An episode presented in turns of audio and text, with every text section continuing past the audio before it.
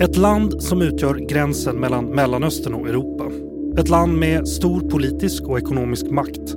Ett land som balanserar mellan det demokratiska och auktoritära. Både i sin inrikespolitik och i sina val av vänner och fiender bland andra stater. Så vad har Turkiet för plats i den internationella politiken?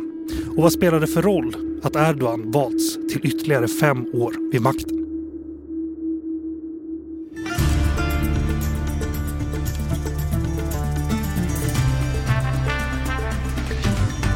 Du lyssnar på Utrikespolitiska institutets podd Utblick och jag heter Jonas Lövenberg. När vi spelar in det här är nyheten om att Erdogan kommer få behålla makten i Turkiet i ytterligare fem år, bara några dagar gammalt. Och för att hjälpa mig och er att förstå vad det här betyder för Turkiet och för resten av världen har jag med mig Ekim Çağlar, författare och frilansskribent. Välkommen tillbaka Ekim. Stort tack. Aras Lind, analytiker vid UIs Mellanöstern och Nordafrika-program. Välkommen tillbaka du med. Tackar. Och kul att ha er två här i studion samtidigt. Ni är ju faktiskt bekanta, eller hur? Ja. ja. Vågar man berätta det? Ni har varit med i podden vid andra tillfällen, fast inte tillsammans.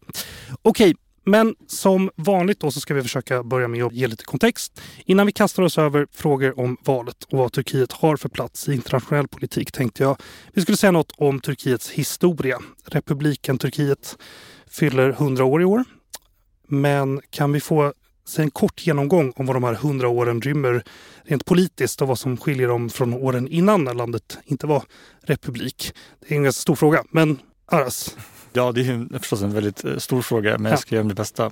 Nej, men republiken Turkiet uppstår ju i efterdyningarna av det första världskriget och det Osmanska rikets fall.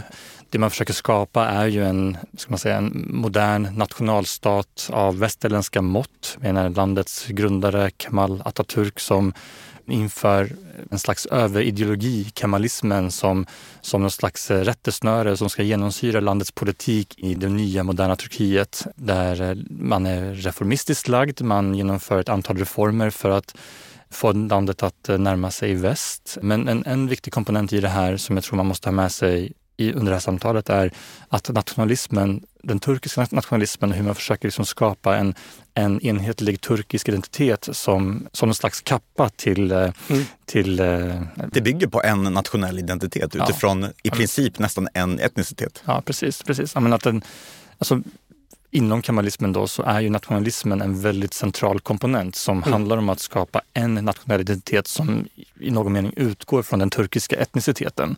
Så att eh, det skapar ju också en hel del spänningar med landets eh, minoriteter. Den har alltid funnits där då, för den finns väl än idag? Den, den kommer ju från republikens bildande, så att mm. den, den frågan är lika gammal som republiken självt. Du säger att man kanske hade mer progressiva idéer i början där, men nu kanske det har blivit ett mer konservativt Turkiet. Kan man säga det? Att det har gått från ett mer progressivt till ett mer konservativt tänkande? Man kan väl säga så här att sen Erdogan kom till makten för, för drygt 20 år sedan så har ju det, det, det faktumet har ju så att säga utmanat delar av arvet efter Atatürk. Där eh, de väldigt tydligt sekulära ideal som var kännetecknande för kemalismen trots allt har utmanats och på många sätt också har ersatts med en del mer konservativ och, och religiösa inslag både i stadsbilden men också i termer av symbolfrågor som huvudduken som, som eh, en typisk eh, sak som man ofta återkommer till. Och när man tittar i stora drag så ser konstitutionen fortfarande likadan ut. Så Turkiet på pappret är ett sekulärt land.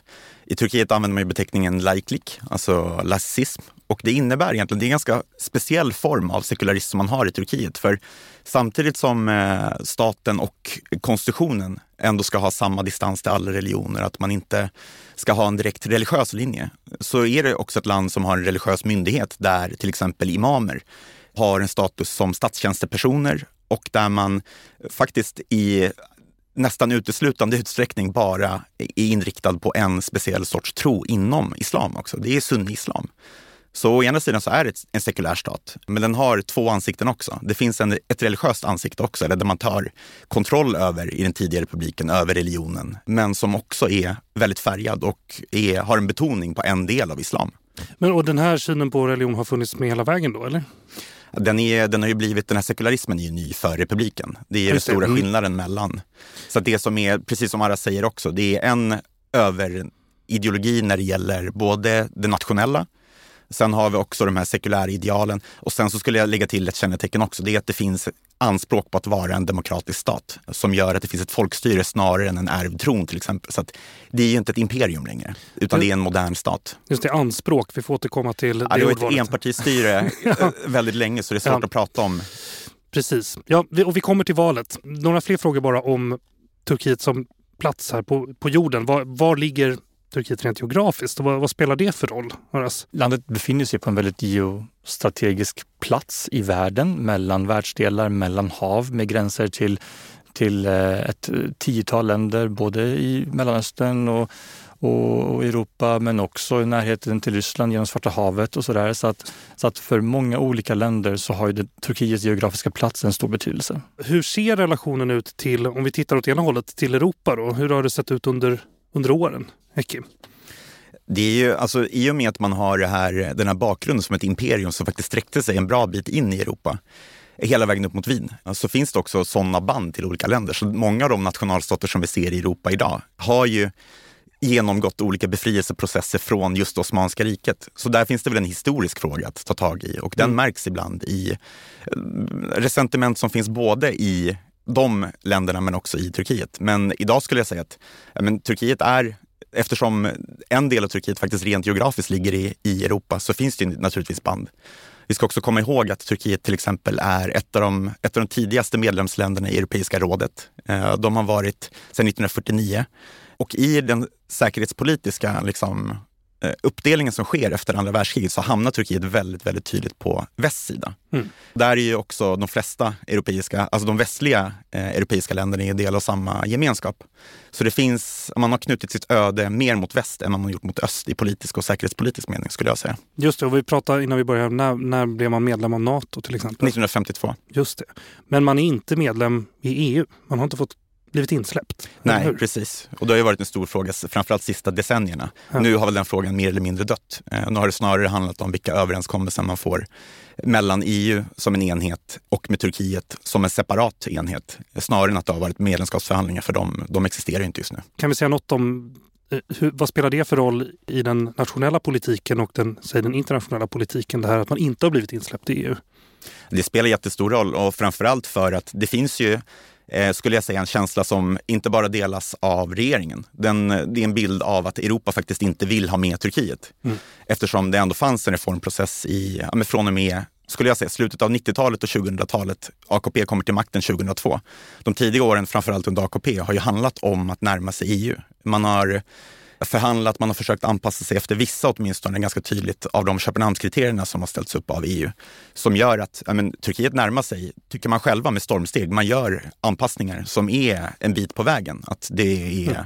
ett ganska tydligt mål. Men samtidigt känner man också i Turkiet, både opposition och regering skulle jag säga, att Europa egentligen inte vill ha Turkiet. Så man har uppfattat det som ett svek nästan. Mm. Eh, vissa vill tolka det som en anledning till att Turkiet ger upp planerna på att harmonisera sin lagstiftning med Köpenhamnskriterierna till exempel. Andra tolkar det på andra sätt. Det kan ju vara så att det också fanns egna intressen av att faktiskt vända sig någon annanstans. Att mm.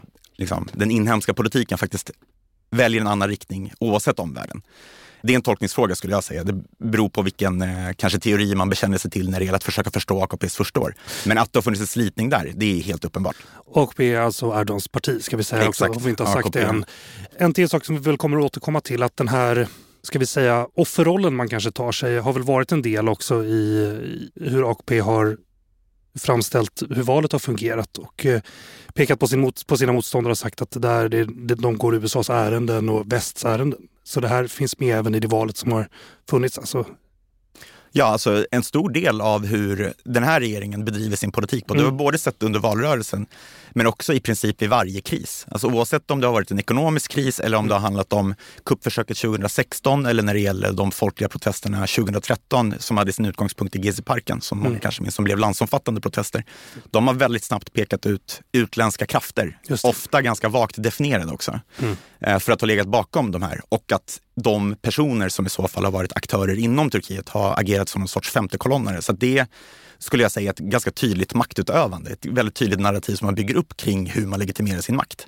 Och man använder också kring väldigt många av de inhemska reformer som man driver så pratar man om att den här regeringen de står för det som man på Turkiet kallar för järli och milli, alltså inhemsk och nationell. Så att allt man själva gör är inhemskt och nationellt. Och det implicerar ju någonstans att det oppositionen gör är någonting onaturligt. Alltså att det är folkfrånvänt inom Turkiet också. I den kvalitetsbenämningen som man själv använder så menar man ju någonstans indirekt också att oppositionen går någon annans ärenden. Alltså det, det finns en hel berättelse, skulle jag säga, kring det här som genomsyrar både relationen till inhemsk opposition, men också hur man positionerar sig mot länder utanför Turkiet.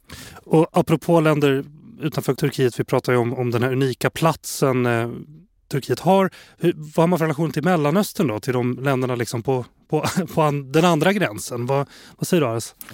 Ja, men den relationen har ju skiftat över tid, åtminstone under AKPs tid vid makten så att säga. Tittar vi någonstans runt 2010, 11, 12 ungefär så, så deklarerar AKP en, eh, en, politik som syftar till att inte ha problem med några grannländer. Men det innebär ju också liksom under den arabiska våren att man lite grann lägger alla sina ägg i samma korg och liksom nästan satsar på vilket styre man tror kommer vara den långsiktiga aktören i olika länder. Jag tycker att Syrien är ett bra exempel på det där man verkligen satsar på att eh, få bort Assad från makten. Man tränar rebeller på turkisk mark och, och genomför olika typer av militära offensiver mot ja, men både IS men kanske framförallt den syrisk-kurdiska milisen YPG i, i norra Syrien för att stärka sitt inflytande men på sikt också kunna bekämpa Assad och få bort Assad. Den politiken har ju får man väl lov att säga har misslyckats. Och eh, Assad blir kvar vid makten. Och inom ramen för det så pågår det också nu ett ganska omfattande normaliseringsförsök att återskapa relationerna. Och det i sin tur är också ett uttryck för den lite granna omvändning som man kan säga i den turkiska utrikespolitiken i relation till Mellanöstern som vi har sett de senaste åren. Vi ser liknande skiften där man har gått från att ha väldigt infekterade relationer till länder som Förenade Arabemiraten eller Saudiarabien men även Egypten och så.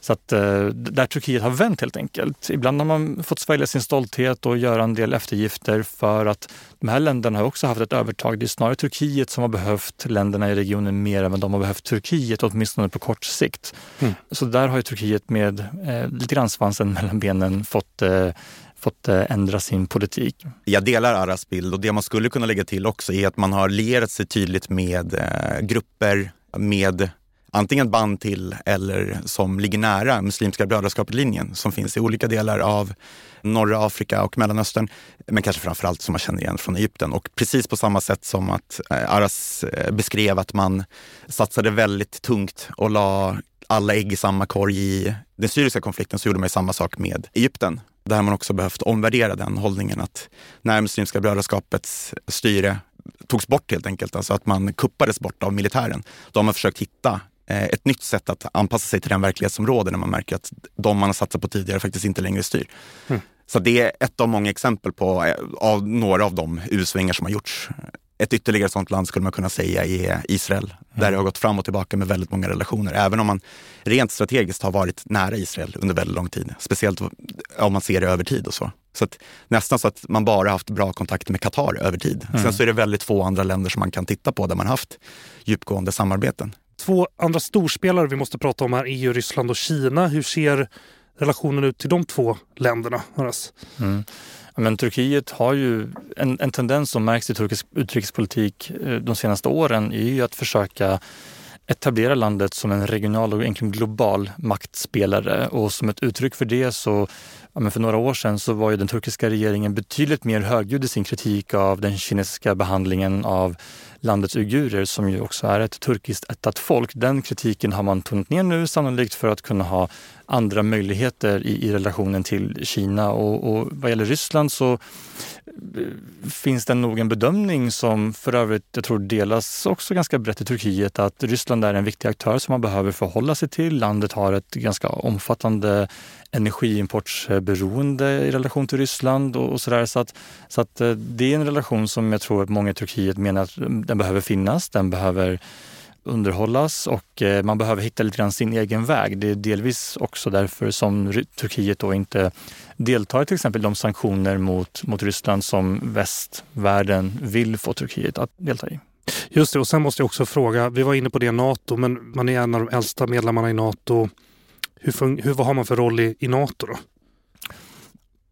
Nej, men det är den andra största armén inom Nato, så rent militärt så är det väldigt viktigt. Sen så tror jag att Turkiet, precis som Aras är inne på, så är Turkiet oerhört ändå skickliga måste man säga på att hitta ett maktvakuum. Alltså där man ser att man kan fylla en roll som andra inte kan fylla. Då kan man vara en viss flank även inom det läge som man själv tillhör. Så att just nu om vi ser Turkiet som ändå en av de stater inom Nato som faktiskt kan prata med Ryssland, som fortfarande har ganska normala relationer skulle man ändå kunna säga med Ryssland så fyller man ju en funktion också att mm. den dagen som Nato vill kunna prata med Ryssland, då har man en medlem inom det egna paraplyet också som har en väg in. Och en ledare som vi vet, Vladimir Putin, som förutom att vara väldigt lik i sin, sin maktutövning som Erdogan, så är det två ledare som också kan prata med varandra. Och man ska inte underskatta vad det kan innebära. Turkiet är också ett land till exempel som kan prata med Iran. Det är inte de bästa relationer som någonsin har varit, men det är ändå ett land som rent kulturellt eller för att det finns en historia tillsammans eller för att det finns en dialog, förutom att det också är grannländer, så, finns det, så har Turkiet sin egen position inom det som slarvigt kallas väst, eller om vi pratar rent militärt inom Nato. Och det var också det som jag tror att många som förespråkade till exempel ett medlemskap för Turkiet inom EU såg Turkiet att det kunde vara en väg in för dialog med flera olika regioner. Det handlar inte bara om Mellanöstern heller, som man väldigt ofta pratar om, att det skulle kunna öka EUs handel med olika länder i Mellanöstern. Det handlar också om relationen till Ryssland. Och Turkiet vet om det här. Och det är det man spelar på i väldigt många fall. Eh, och den balanserande rollen vill man ha, både för sin egen del, men också för att just nu blir man nästan illa tvungna för att göra det, för att kunna hålla många ekonomiska politiska dörrar öppna i och med att man genomgår en eh, just nu lågintensiv åtminstone, snart kanske ännu mer öppen ekonomisk kris. Just det. Och det ska vi nog återkomma till. För vi måste ju komma till valet. Det har precis hållits val i Turkiet. Ja, kan ni berätta hur det har gått? Alltså det har ju varit två val. Det är parlamentsval och så har det varit mm. ett presidentval i två omgångar eftersom Just. ingen vann, eh, fick tillräcklig majoritet i första omgången. Parlamentsvalet, som var väldigt viktigt för båda sidorna naturligtvis, vanns kan vi säga av regeringslägret. Och i regeringslägret, eftersom valsystemet gjorts om delvis, så går man oftast in som allianser. Att det är flera olika partier som ingår i en allians. Det möjliggör för småpartier att kunna komma in i parlamentet. Turkiet har ju tidigare haft en 10% spärr till parlamentet som gjorde att många småpartier försvann. Men nu kan man ingå i en allians där det räcker med att alliansen får över 7 procent. Då kan småpartier som kommer in i sina respektive valkretsar få representation också. Så det är ganska många småpartier som också har funnits i de här olika lägren. Så för att bara kort beskriva regeringslägret så ingår som största parti Erdogans konservativa parti Adalet ve Kalkınma Partisi, AKP. Man har sedan 2015 ett mer eller mindre officiellt, ja, nu är det officiellt eftersom man också ingår i samma valallians, en allians med MOP som är det ultranationalistiska partiet. Och inom ramen för det här samarbetet så har också ett islamistparti, eh, Yenidar Partisi, fått in några ledamöter. Och sen så har det också funnits andra partier som, eh, ja, som kurdiska islamistiska Hudapar till exempel har varit på AKPs listor med sina egna politiker och valts in på Eh, det största partiets listor har kommit in. Och så finns det ytterligare småpartier som skulle kunna nämnas, men jag tror inte att man missar särskilt mycket. Och mot dem så har ju oppositionen stått, de som förlorade valet, där den huvudsakliga oppositionen, den stora oppositionsalliansen har varit en eh, bred oppositionsrörelse med sex olika partier ledda av det här gamla maktpartiet, eh, Atatürks gamla maktparti, COP som betecknar sig själva som socialdemokratiskt. Jag skulle väl kalla det mer nationalistiskt kanske någonstans i den politiska mitten om man haft en valallians tillsammans med en rad mittenhöger och högerpartier. Och sen som en ytterligare, det finns också en vänsterallians som samlar prokurdiska krafter och socialistiska krafter som fick 10 procent. Men det är det politiska landskap vi har att göra med och både där, som sagt, i det valet och i presidentvalet så har regeringslägret vunnit. Just det, och presidentvalet blev två omgångar. Det hände väl inte särskilt ofta har jag förstått det som. Det har aldrig hänt tidigare. Det har aldrig hänt, nej. Kan du säga någonting om valet? Hur var det valet? Att, eh, det, det gick väl inte så bra egentligen då eftersom det blev en andra omgång, men, men Erdogan vann till slut. Ja, det är som det ofta är i den här typen av system. Det, är att det krävs en enkel majoritet i att man behöver 50 procent plus en röst för att kunna vinna. Men eftersom det var en tredje kandidat som plockade 5 procent av rösterna så var det svårt att komma över 50 procent för båda de huvudkandidaterna i presidentvalet. Så det var också en bidragande faktor eh, till att det blev en andra presidentvalsomgång. Eh, men ja, alltså det är väl ett ganska klart utfall skulle man kunna säga för Erdogan. Och det är ett utfall som framförallt, alltså man kan inte prata om det här valresultatet utan att lyfta in frågan om huruvida det var fria och rättvisa val. Där pågår diskussioner men det är helt uppenbart eh, att man inte haft samma förutsättningar. Så det är ett djupt orättvist val. Just det, och vi ska återkomma till det. Ja, men absolut. Eh, men det man kan ja. säga också bara kort apropå det Akim just sa är att det här är ju egentligen eh, ja, men det är andra gången som Turkiet håller presidentval inom ramen för den den konstitution som, som landet folkomröstade om 2017 och, och, och i och med att man nu väljer president med exekutiva befogenheter i ett direktval så har man ju egentligen frångått lite grann den liksom, eh, representativa demokrati där partier, ja, men man har fortfarande parlamentsval även om parlamentet har mindre makt så att säga än tidigare. Men, men det skapar ju, det tvingar nästan fram två stora alternativ som står mot varandra. Lite grann som det påminner om i USA till exempel. Och eh, det gör ju att det skapar ganska brokiga allianser, alltså, både på regeringssidan till viss del men framförallt på oppositionssidan där vi har ett ganska brett spektra av, av krafter som står för ganska olika saker. Och att få dem att hålla ihop har ändå varit en väldigt grannlaga uppgift som, som har gått bra måste man ändå säga, även om det finns eh, saker de hade kunnat göra mycket, mycket bättre. Och då måste jag fråga, vem är det som har lett oppositionen här? Kemal, kan vi berätta, vem är det?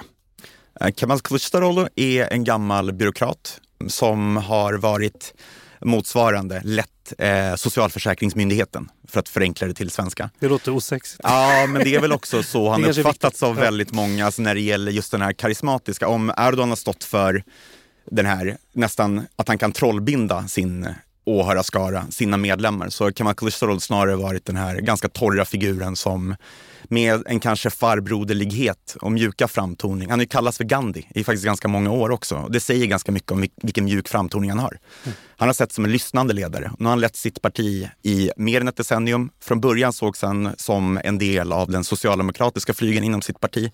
Men framförallt så är han, skulle jag säga, en lyssnande ledare som bygger broar. Först gjorde han det inom sitt eget parti, kunde få de olika fraktionerna inom partiet att dra åt någorlunda samma håll. Och nu har han lyckats göra det också med en, som Aras säger också, en väldigt brokig och bred oppositionsallians.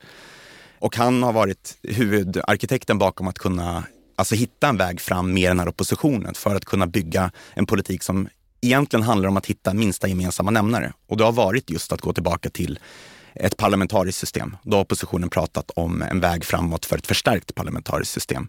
Så det är egentligen den stora valfrågan från oppositionen, förutom alla sakfrågor naturligtvis, när det handlar om till exempel hur man eh, tacklar den ekonomiska krisen. Men det huvud, eh, huvudlöftet skulle jag säga handlar om just det här att man ska ändra konstitutionen. Och det har ju varit, den striden förlorades till stor del redan i parlamentsvalet som var två veckor innan andra presidentvalsomgången eftersom man hade en minor, nu har man en minoritet i parlamentet som opposition men man hade behövt en kvalificerad majoritet till och med. Så att man var ganska långt borta från att kunna vinna den. Det bidrog sannolikt till att luften gick ur oppositionen också, även om presidentmakten är oerhört stark så hade man i just det här konkreta fallet behövt också parlamentet med sig. Vem är det som röstar på, på oppositionen då? Det är ju flera olika oppositionspartier, men om vi, mm. tar, om vi börjar från COP så är det ju, alltså tittar man på en valkarta i Turkiet så är det, den står ganska stabil. Alltså det är väldigt ofta som samma partier är största partier i de olika delarna av landet. Och när det gäller just COP så är man oerhört starka i storstadsregionerna och i princip längs hela den västra kusten mot Egeiska havet och södra kusten som går mot Medelhavet. Det är de kärnområden där man är starka och också överrepresenterade när det gäller medelklass, personer med högre utbildning, sekulära värden. Men vi måste ju prata om vinnaren. Kan vi säga någonting om vem Erdogan är för person? Kan vi beskriva honom? Bara?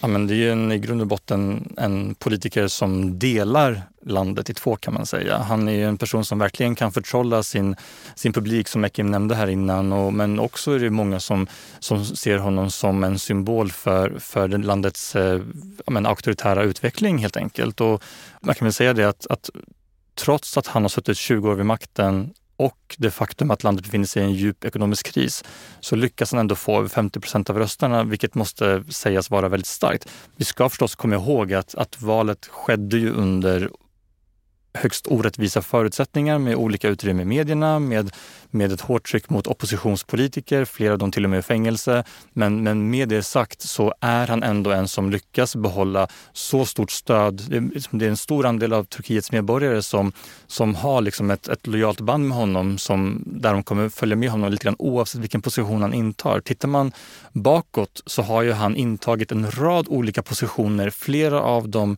står i direkt motsats till varandra, men trots trots det så är det människor som, som står med honom i vått och torrt. Och det måste man ändå säga är ett styrkebesked. Vilken bara, vilka är det som röstar på Erdogan då? Det är ganska brett. Alltså, förutom där oppositionen är som starkast så är det, man kan nästan säga resten av Turkiet. Och de starkaste baserna det är inlandet skulle man kunna säga. Och Svarta havskusten har också varit en väljardepå skulle man kunna säga. Och den har stått ganska stabilt. Eh, det man kan säga också, det som är intressant med väljarskaran när det gäller AKP, det är att man har kunnat samla både en arbetarklass som är värdekonservativ eller numera också mer nationalistiskt inriktad. Men man är också ett företagarvänligt parti. Man kommer från, egentligen, alltså i grunden kommer man från en islamiströrelse som var väldigt småföretagarvänligt. Man har själv gått in och varit väldigt näringslivsvänligt och att stora delar av näringslivet faktiskt har stött här, den här rörelsen under väldigt lång tid. Och där har man också en stark väljarbas bland de vad ska man säga, marknadsliberala krafter eller de företagare som faktiskt ja, men kanske inte drivs lika mycket i värdefrågor men som ser den ekonomiska liberalismen som någonting som AKP har kunnat bidra med. Och sen så finns det ju också marknadsliberaler såklart som mm. kritiserar det system som finns nu också i och med att det har, som det ser ut i Turkiet, mer eller mindre blivit någon typ av crony capitalism som man brukar prata om, att det är någon kompiskapitalism, att man använder väldigt stora resurser, till exempel upphandlingar, för att berika, menar kritiker, regeringsnära grupper. Men man har en bas som ekonomiskt går över nästan hela spannet och värdemässigt ligger långt ut på högerkanten och kommer att hamna längre och längre ut på högerkanten skulle jag säga. Under de 20 år Erdogan har suttit vid makten, hur har hans ledarskap förändrats? Ja, men från, under de tio åren så var ju han en han beskrevs ofta, han beskrevs ofta som en mycket mer liksom, som en väldigt reforminriktad politiker. Han satsade på ekonomiska reformer. Han ville föra landet närmare väst. Han eh, försökte demokratisera landet. Han hade till och med en, en ansats att lösa kurdfrågan som den beskrivs. Eh, med tiden så har vi väl sett ett skifte där han och landet har gått i en mer auktoritär riktning där vi ser ett, eh, ett slut egentligen på den reforminriktade politik. Eh, kritiker skulle kanske säga att en del av den, de reforminsatser som vi såg under de tidiga åren kanske rent av var ett sätt att parera hotet från militären. Turkiet har en tradition av att militären tenderar att lägga sig in i turkisk politik genom militärkupper eller hot om militärkupper. Det finns flera sådana exempel. Så att eh, exakt vad det är som driver honom är svårt att säga, men den gemensamma nämnaren är någonstans att, att liksom koncentrera makten under sig själv. Jag undrar ju också, vad har varit de stora frågorna i valrörelsen? Nu har vi beskrivit eh, de två stora kandidaterna här, men vad, vad har det handlat om då? Det har ju varit som två helt separata valrörelser, i alla fall om man ser till första presidentvalsomgången och parlamentsvalet. Mm. Där det finns ett regeringsläger som pratar i mycket större utsträckning om värdefrågor, bevarandet av familjen. Man har utmålat oppositionen som hbtqi-aktivister, som om det skulle vara någonting dåligt. Man har satsat mycket på att driva fram en bild av att Turkiet går bra industriellt, att man satsar på till exempel försvarsindustrin. Det har handlat om väldigt hårda värden när det gäller de frågorna. Sen så har det väldigt mycket faktiskt handlat om att göra det här till ett överlevnadsval för ja, men nästa, i förlängningen Turkiets framtid. För det är den bilden som man har kopplat till Erdogan som person och regeringsläget. Att om oppositionen får styra, då är det i princip utländska makter som kommer att få makten över Turkiet. Då har man pratat om oppositionen till exempel som trojanska hästar för, ja, men var det till, till och med att man menar att imperialisterna skulle ta över då? Arason, det hjälper mig. Vi skrev om det här tillsammans. Ja, men ja, kanske i alla fall i andra sammanhang har man pratat om att det imperialister kommer att få större inflytande. Så det är den mediebild som, eh, den bild man har velat förmedla. Och den blir ju effektiv. Reporter utan gränser, precis som Aras inne på, den här mediedominansen gör ju att de här frågorna sätter sig. Så att om eh, Reporter utan gränsers siffror visar att 85 procent av de nationella medierna kontrolleras av regeringsläget, då får det effekt. Så att när oppositionen har velat prata om ekonomi, när oppositionen har velat prata om till exempel det förstärkta parlamentariska systemet så har man haft väldigt svårt att nå ut. Förutom den de problem man har haft att överhuvudtaget kunna organisera sig med tanke på det auktoritära trycket som har funnits. Men precis, för ekonomin går väl sådär va? Och får inte, får inte Erdogan ta ansvaret för det då? Eller? Nej, inte om, eh, inte om man eh, överhuvudtaget, om man underminerar oppositionens nästan rätt att uttala sig för att de inte är tillräckligt inhemska, inte tillräckligt måna om Turkiets framtid som en oberoende stat, mer eller mindre så det låter. Då är det svårt också att prata om lösningar som ska få fäste hos människor. Men sen att ekonomin känns, det kan vi utgå ifrån med tanke på att det har varit det är underkant att prata om tvåsiffrig inflation. Det har varit uppe i 85 procent så sent som oktober enligt officiella siffror. Enligt andra så är det också, enligt vissa experter så är det politiskt friserade siffror.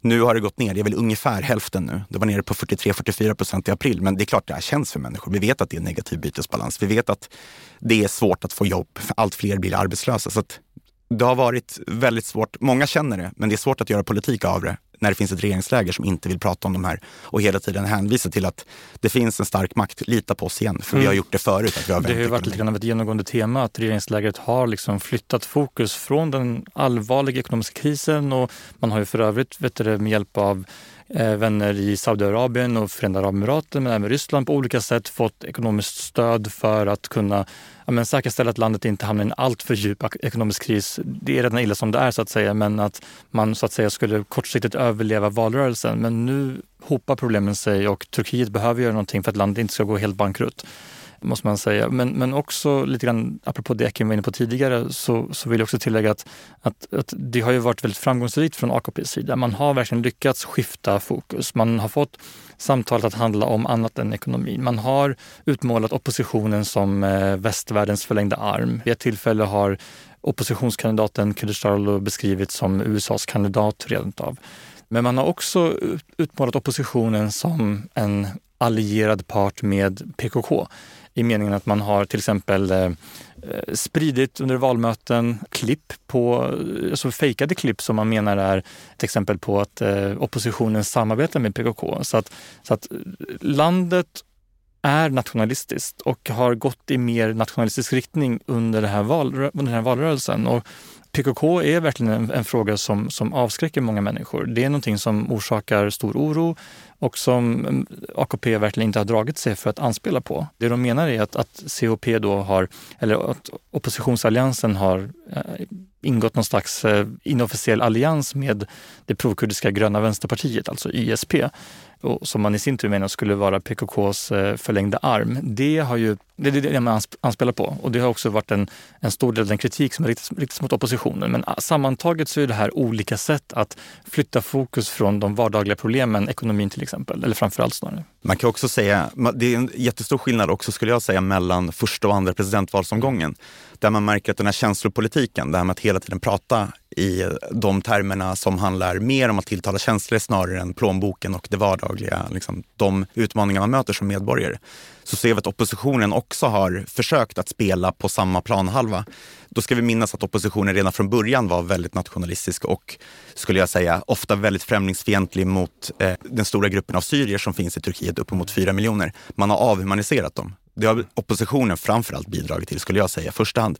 Och i den andra presidentvalsomgången så var det i princip de här frågorna man inte enbart pratade om, men man la ännu mer fokus på att demonisera den syriska befolkningen i Turkiet med allt högre krav på att de här människorna skulle skickas hem. Uh, vilket gjorde att det här var liksom oppositionens sätt att försöka prata på ett liknande språk och tilltala liknande känslor, fast med sina profilfrågor som handlade om just det här. Så jag skulle säga att det var en valrörelse på många sätt, framförallt sluttampen, som var ja, men utmattande för alla som kanske ville se en debatt mellan olika partier. Du ska också komma ihåg, eh, det finns inga debatter mellan partier. För det, eh, det man kanske är van vid från andra länder, att det är partiledardebatter och sånt, sånt existerar ju inte. Så det är envägskommunikation ganska ofta. Och den har kommit att bli allt mer, ja men den är ju väldigt upphetsad. Vi har också sett ja, men till exempel en så pass djup polarisering så att vissa kandidater faktiskt har attackerats under delar av valrörelsen.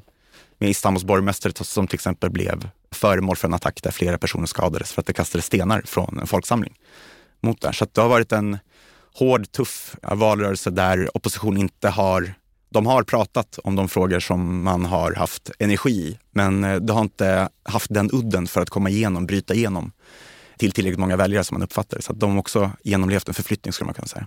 Om det här med kurdfrågan då måste jag ju fråga om, eh, för att kan vi förstå här i Sverige hur, all, hur allvarligt det är? Liksom, är det någonting vi har missat? Eller används den här frågan som bara ett, ett maktverktyg? Det beror lite grann på vad man menar med kurdfrågan. Kurdfrågan är ju egentligen bredare än bara den om PKK handlar ju i grund och botten om, om rätt till sin identitet och fritt utöva sin kultur och språk och sådär. Och, och tittar man på den turkiska konstitutionen så erkänner den bara turkiska som officiellt språk.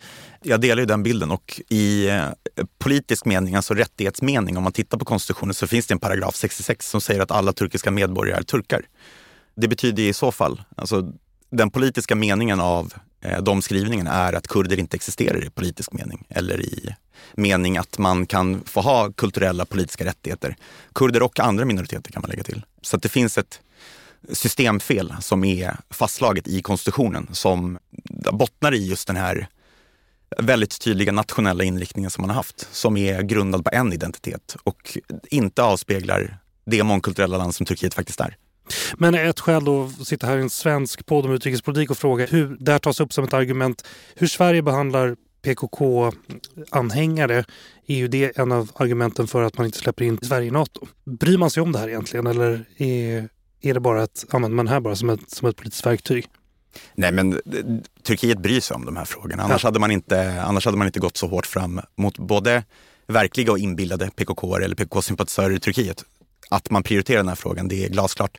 Sen hur stor del det egentligen har i NATO-frågan, det är en betydligt bredare det är så många aspekter som behöver vägas in i det där, men att mm. Turkiet aggressivt bekämpar PKK, det står klart. Det gör den här regeringen, det gjorde föregående regeringar. Det är någonting som finns i mittfåran och nästan hela det politiska spektrat skulle jag säga. Ja, nästan hela. Ja, nej, men jag delar den bilden. PKK är ju på många sätt liksom Turkiets huvudfiende nummer ett på, på många sätt.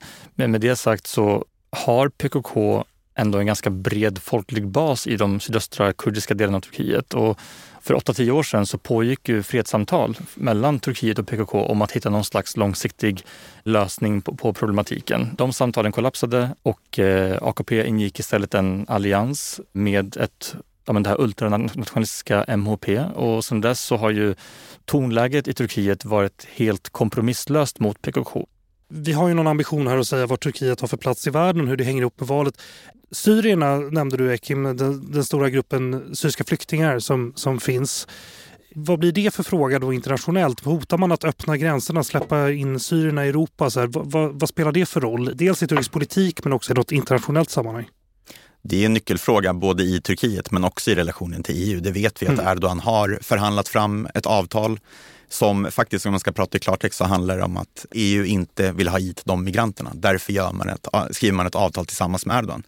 Där har Erdogan varit, han har inte varit sen på att utnyttja det i relationen till EU. Eh, och även när man tittar på oppositionens eh, valrörelse så pratar man ju väldigt tydligt om att när de här personerna ska återföras till Syrien, då kommer vi låta EU betala antingen hela eller åtminstone betydande delar av den notan. Så man ser det här som en fråga i relation till, inte bara Syrien, men också i förhållande till EU. Den här relationen till EU i den här frågan, var det någonting som fick plats i valrörelsen också? Eller? Ja, men som, eftersom oppositionen lyfte fram det så ja. har det blivit en valrörelse och det tvingade faktiskt ut Erdogan till att faktiskt göra utspel. Eller jag minns inte om det var Erdogan eller om det var några av hans ministrar, men att man eh, faktiskt talade om att det har skickats ett par hundratusen syrier till Syrien. Alltså man, eh, liksom, att det blev ett sätt att visa att man också brydde sig om den frågan. Oppositionen gick väldigt hårt fram med ja, det som jag benämner som faktiskt främlingsfientliga undertoner åtminstone och i vissa fall till och med eh, väldigt tydlig sån eh, främlingsfientlighet. Så viss plats har den relationen haft. Och EU har nämnts, framförallt oppositionen. Och I det här, Turkiet vill inte släppa in Sverige i Nato. Turkiet har hållhakar på EU. Turkiet kan ju uppfattas som en ganska strulig internationell partner. Och man balanserar mellan Ryssland och Europa, Mellanöstern och Europa. Kan, man, kan ni säga något mer om den här balansakten? Liksom, vad är det som pågår? Kommer det alltid vara så här?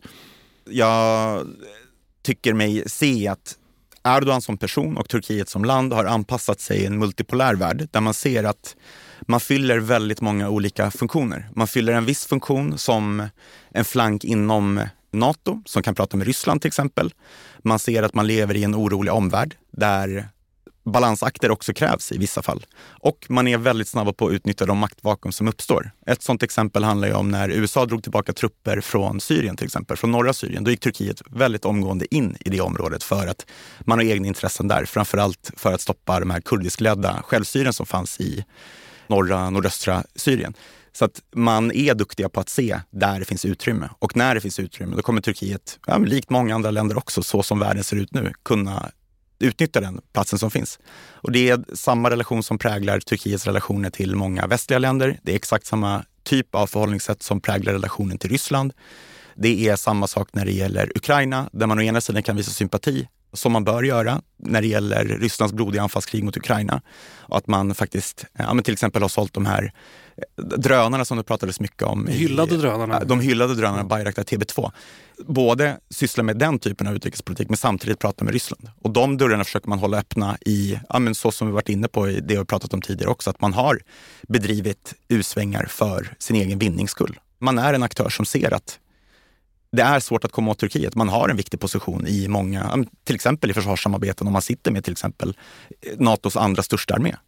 I sin strävan att liksom etablera, alltså befästa landets identitet som en regional och global stormakt så, så kommer det nog inte finnas någon aktör som kommer vara tillräckligt stark för att kunna utmana Turkiet i den strävan. Man kanske kan hålla tillbaka dem till en viss del men hela ordningen kommer inte att falla. Skulle man till exempel eh, vilja få Turkiet ut ur Nato så skulle förmodligen grundvalarna för hela NATO-samarbetet kollapsa. Man skulle snarare behöva bygga upp någonting nytt och det kommer inte att hända.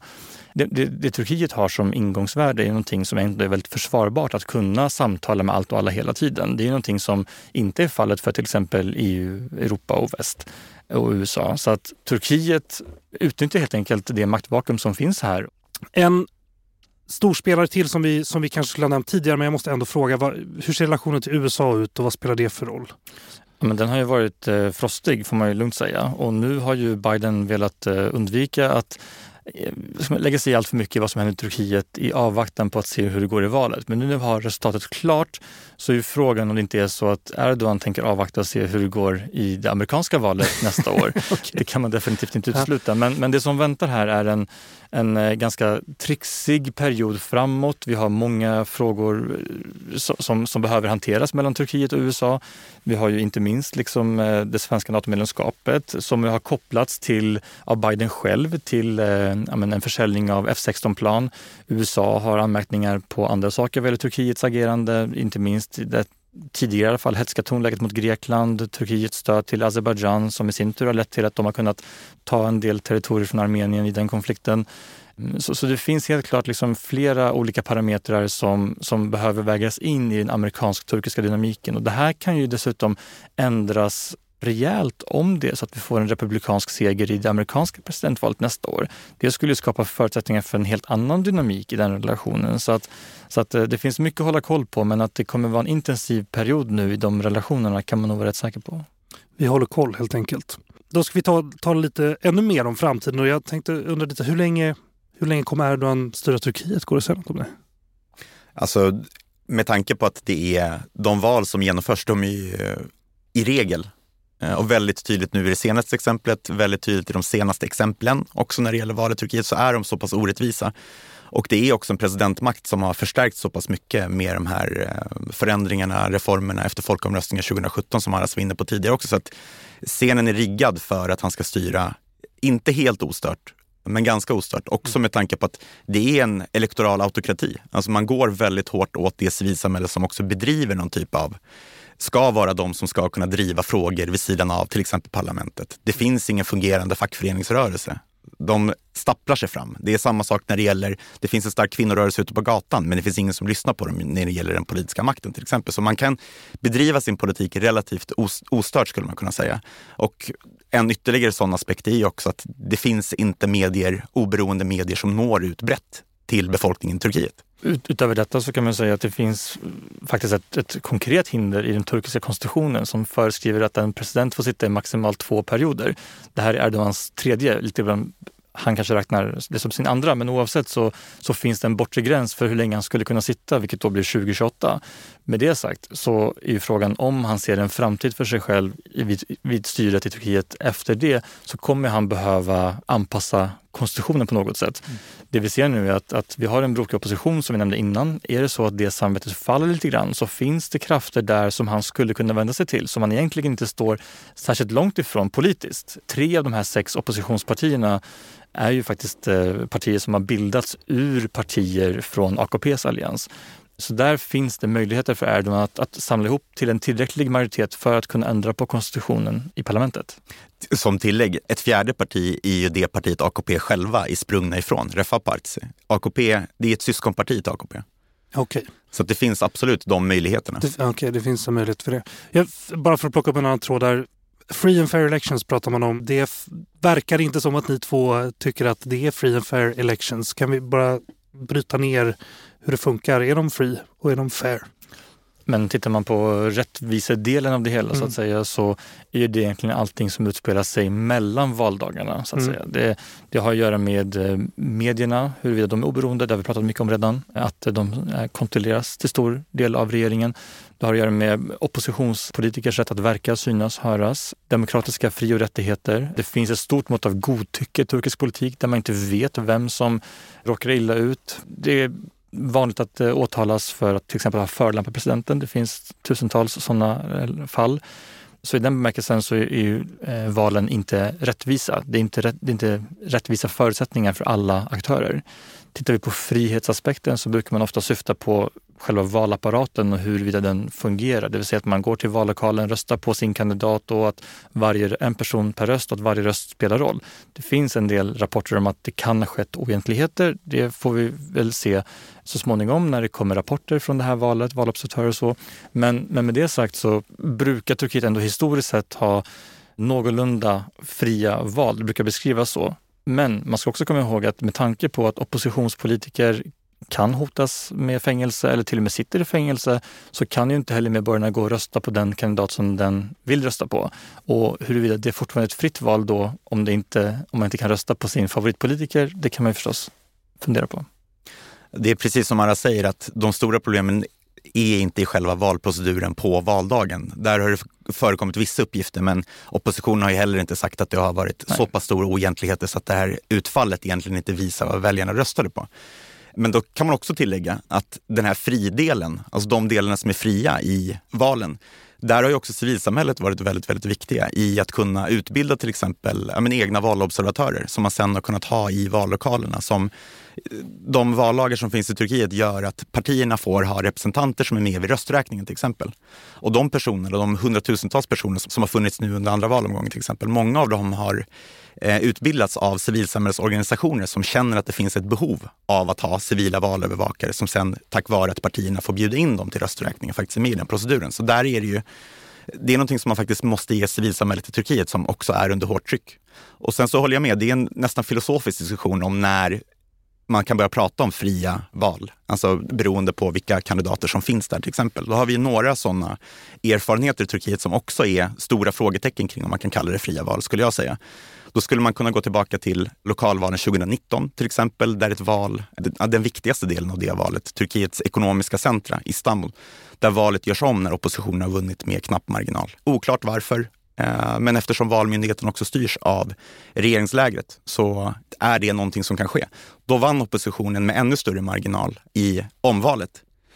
Eh, och då blev det en transition så att eh, oppositionen nu styr den, den staden.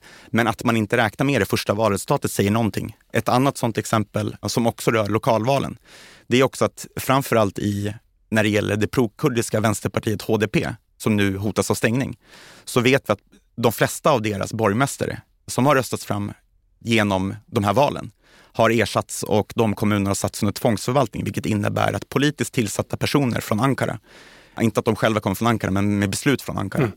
istället tar över de här borgmästarposterna så att de här kommunerna sätts under tvångsförvaltning. Och det är också ett demokratiskt underskott. Och det skedde både under förra mandatperioden efter lokalvalet 2014 och, och efter 2019. Så det, är också, det visar också på att röster räknas inte på samma sätt. De kanske går in i valurnan men de får olika utfall beroende på vem det är som har vunnit också. Inte bara i att det är olika policies utan man får inte, i vissa fall så måste man ta om val och i andra fall så får inte de personerna styra. En annan dimension som man skulle kunna nämna är parlamentsvalet i juni 2015. Eh, under det valet så hoppades AKP kunna få tillräckligt stor majoritet i parlamentet för att kunna skriva om konstitutionen på egen hand. Det var liksom där Erdogan ville införa det här presidentstyret som sen kom i en folkomröstning istället 2017. Istället fick han så pass, det gick så pass dåligt för AKP att man inte ens kunde bilda regering på egen hand. Vilket får anses vara ett nederlag med tanke på hur AKP ändå har varit framgångsrika i olika val under årens lopp. det ledde till att AKP på olika sätt blockerade olika allianser. Man helt enkelt obstruerade den politiska processen i meningen att man inte möjliggjorde eh, samarbeten utan målsättningen var istället att få till stånd ett omval. Och i ett då, november 2015 så äger då ett omval rum till slut eftersom att det inte gick att få till stånd någon annan lösning. Och det var ju då i ett tillstånd av egentligen kaos, ett helt annat säkerhetspolitiskt läge. Vi hade konflikt i framförallt eh, i flera eh, stadskärnor i de huvudsakligen kurdiska städerna i sydöstra Turkiet. Och där lyckades då AKP få åtminstone tillräcklig majoritet för att kunna bilda regeringen, även om det inte räckte för, för en konstitutionsförändring som då föranledde att det blev en konstitutionsfolkomröstning eh, 2017. Erdogan, om han nu kommer kunna sitta kvar vid makten, om han nu kan ändra konstitutionen. Vi får se vad som händer de kommande åren. Vad spelar det för roll för Turkiet i internationell politik att han sitter där så länge? Vill säga något om det? På sätt och vis kan man nog tänka sig att det var en del europeiska ledare som drog en lättnadens suck när det stod klart att Erdogan vann. Oppositionskandidaten hade gjort klart att han tänkte återuppta medlemskapsförhandlingarna och det finns nog ett ganska kompakt motstånd i vissa europeiska huvudstäder mot ett turkiskt medlemskap. Så att på många sätt så handlar det om att man vet vad man har men inte vad man får. Men det skapar stabilitet på något sätt? Stabilitet premieras ja. i många fall, absolut. En förutsägbar oförutsägbarhet kan man nästan ja. säga. Bra sammanfattning. Men också, det är en anledning också i att man kanske är glad över den här utvecklingen från vissa håll det är också att den utrikespolitik som har bedrivits av Turkiet nu, ja, man har en eh, relativt stark utrikesminister som det ser ut utifrån, Mevlut Çavuşoğlu, som ser ut att sitta kvar i det nya kabinettet också. Men det är en starkt personaliserad utrikespolitisk makt också. Så att man har inte gått särskilt mycket så som det ser ut utifrån med den brasklappen så ser det inte ut som att man har använt institutioner i första hand. Då har många diplomater också vittnat om att det här är väldigt politiskt styrt snarare att man låter diplomatin ha sin gång. Och har man genomlevt en sån, ett sånt etablissemang och en sån politik under så många år. Då kan det vara en stor förändring att återgå via institutionerna. Det har varit ett löfte från oppositionen också att det ska inte vara särskilt personbundet i hur de här relationerna ser ut. Det ska snarare gå via de traditionella utrikespolitiska institutionerna som finns i Turkiet. Så att nu fortsätter man med samma spelregler skulle man kunna säga. Så det kanske är enkelt i alla fall. Ja, precis. Ja. Avslutningsvis då. Vad är nästa stora grej vi ska hålla utkik efter i Turkiet, eller kring Turkiet? Pågående processen som just nu ligger hos eh, författningsdomstolen när det gäller det prokurdiska vänsterpartiet HDP. Huruvida de kommer att få existera eller inte. Det är en grej. Och lokalvalen nästa år skulle jag säga. Men också mediernas eh, situation. Vi ser nu indikationer på att en del av den press som är kvar som inte står regeringen nära, att det startas processer mot även dem. Att man helt enkelt följer upp och ser hur, hur mediernas situation utvecklas framöver. Inga solstrålar här direkt. Nej, alltså det blir, det blir det är ett ansträngt läge och jag tror att vi hade, vi hade nog pratat väldigt mycket om utmaningarna även om oppositionen hade vunnit. Men det hade handlat om andra frågor såklart. Eh, andra aspekter av de utmaningar som Turkiet har. Ekim Çalar, författare och frilansskribent, Aras Lind, analytiker vid UIs Mellanöstern och Nordafrika-program. Tack för att ni kom. Tackar. Tack snälla. Nu har du lyssnat på Utrikespolitiska institutets podd Utblick. Glöm inte att trycka på prenumerera-knappen i appen där du lyssnar på oss. Om du vill veta mer om UIs forskning och omvärldsbevakning, titta in på ui.se. Tycker också att ni ska kolla in Ekims böcker som han har skrivit. Den senaste heter Fotboll i krig och fred. 100 år av konflikt och dialog. Utgiven på Fri Tanke. Det går också att titta lite tillbaka i katalogen så har jag och Ekin poddat om, om sport och politik tidigare. Vår vignett är komponerad av Frid en Frid. Vi spelar in hos Red Means Go och i kontrollrummet sitter idag Kyle Rosén. Jag heter Jonas Lövenberg. På återhörande.